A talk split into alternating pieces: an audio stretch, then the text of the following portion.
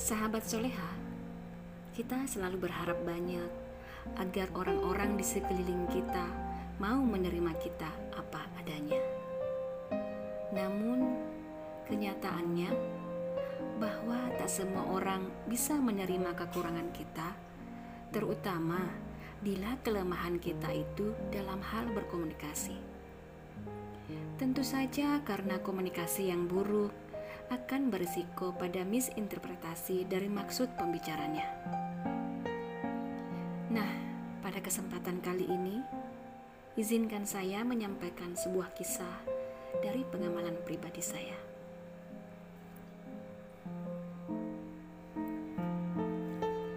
Suatu hari, saat usia saya masih belasan tahun, saya bersama teman-teman membahas perencanaan kegiatan remaja di halaman masjid. Riuh rendah suara para pemuda bersahut-sahutan. Tahu sendiri kan dengan sifat anak muda yang penuh dengan ide dan semangat? Nah, tibalah giliran saya mengajukan pendapat yang saat itu menurut saya cukup cemerlang. Subhanallah, setelah saya mengungkapkan pemikiran saya, terdengarlah seorang teman berkata dalam bahasa daerah yang kurang lebih seperti ini.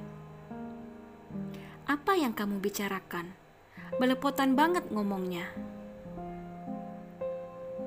Suara tawa pun meledak, membahana hingga sudut-sudut tembok masjid.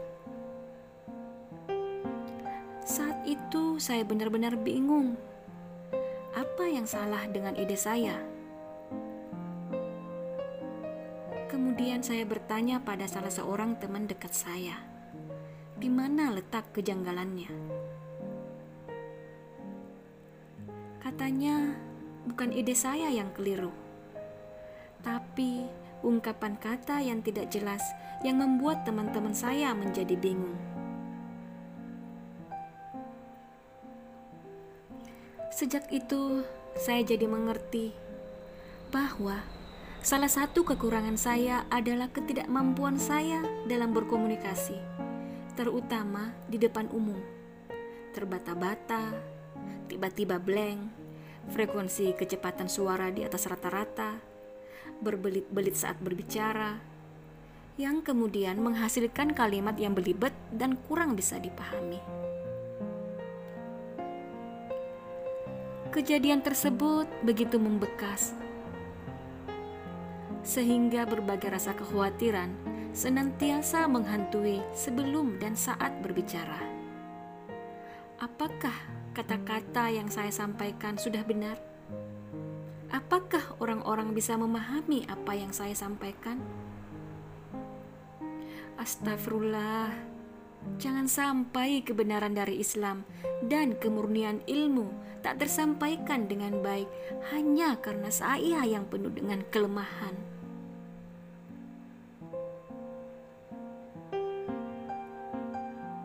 Namun,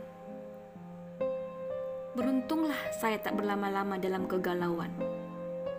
Karena alhamdulillah, saya akhirnya memiliki pemahaman bahwa menyampaikan amar ma'ruf nahi mungkar adalah sebuah kewajiban dari Allah Subhanahu wa taala sebagaimana firman-Nya dalam Quran surah Al-Imran ayat 110. A'udzu billahi minasyaitonir rajim. Kuntum khaira ummah ukhrijat lin-nasi ta'muruna bil ma'ruf wa tanhauna 'anil munkar wa tu'minuna billah. Kamu adalah umat yang terbaik yang dilahirkan untuk manusia, menyuruh yang ma'ruf dan mencegah dari yang mungkar dan beriman kepada Allah. Begitu pula dalam sebuah hadis riwayat Muslim. Abu Hurairah menyampaikan bahwa Rasulullah Shallallahu Alaihi Wasallam bersabda, yang artinya apabila anak Adam wafat, maka terputuslah semua amal perbuatannya kecuali tiga macam perbuatan, yaitu sedekah jariah, ilmu yang bermanfaat, dan anak soleh yang mendoakannya. Dan masih banyak lagi ayat dan hadis tentang kewajiban berdakwah dan berbagi keutamaan menebarkan ilmu yang bermanfaat bagi manusia sebagai salah satu amal jariah. Inilah yang memotivasi saya untuk selalu menyampaikan kebenaran, walaupun dengan berbagai kekurangan yang saya miliki. Masya Allah. Demikianlah, banyak orang yang mengalami trauma berbicara di depan umum. Namun, harapan akan menuju lebih baik akan selalu terbuka bagi siapa saja yang mau belajar. Saya Rubia Lendrang, berbagilah maka berbahagialah.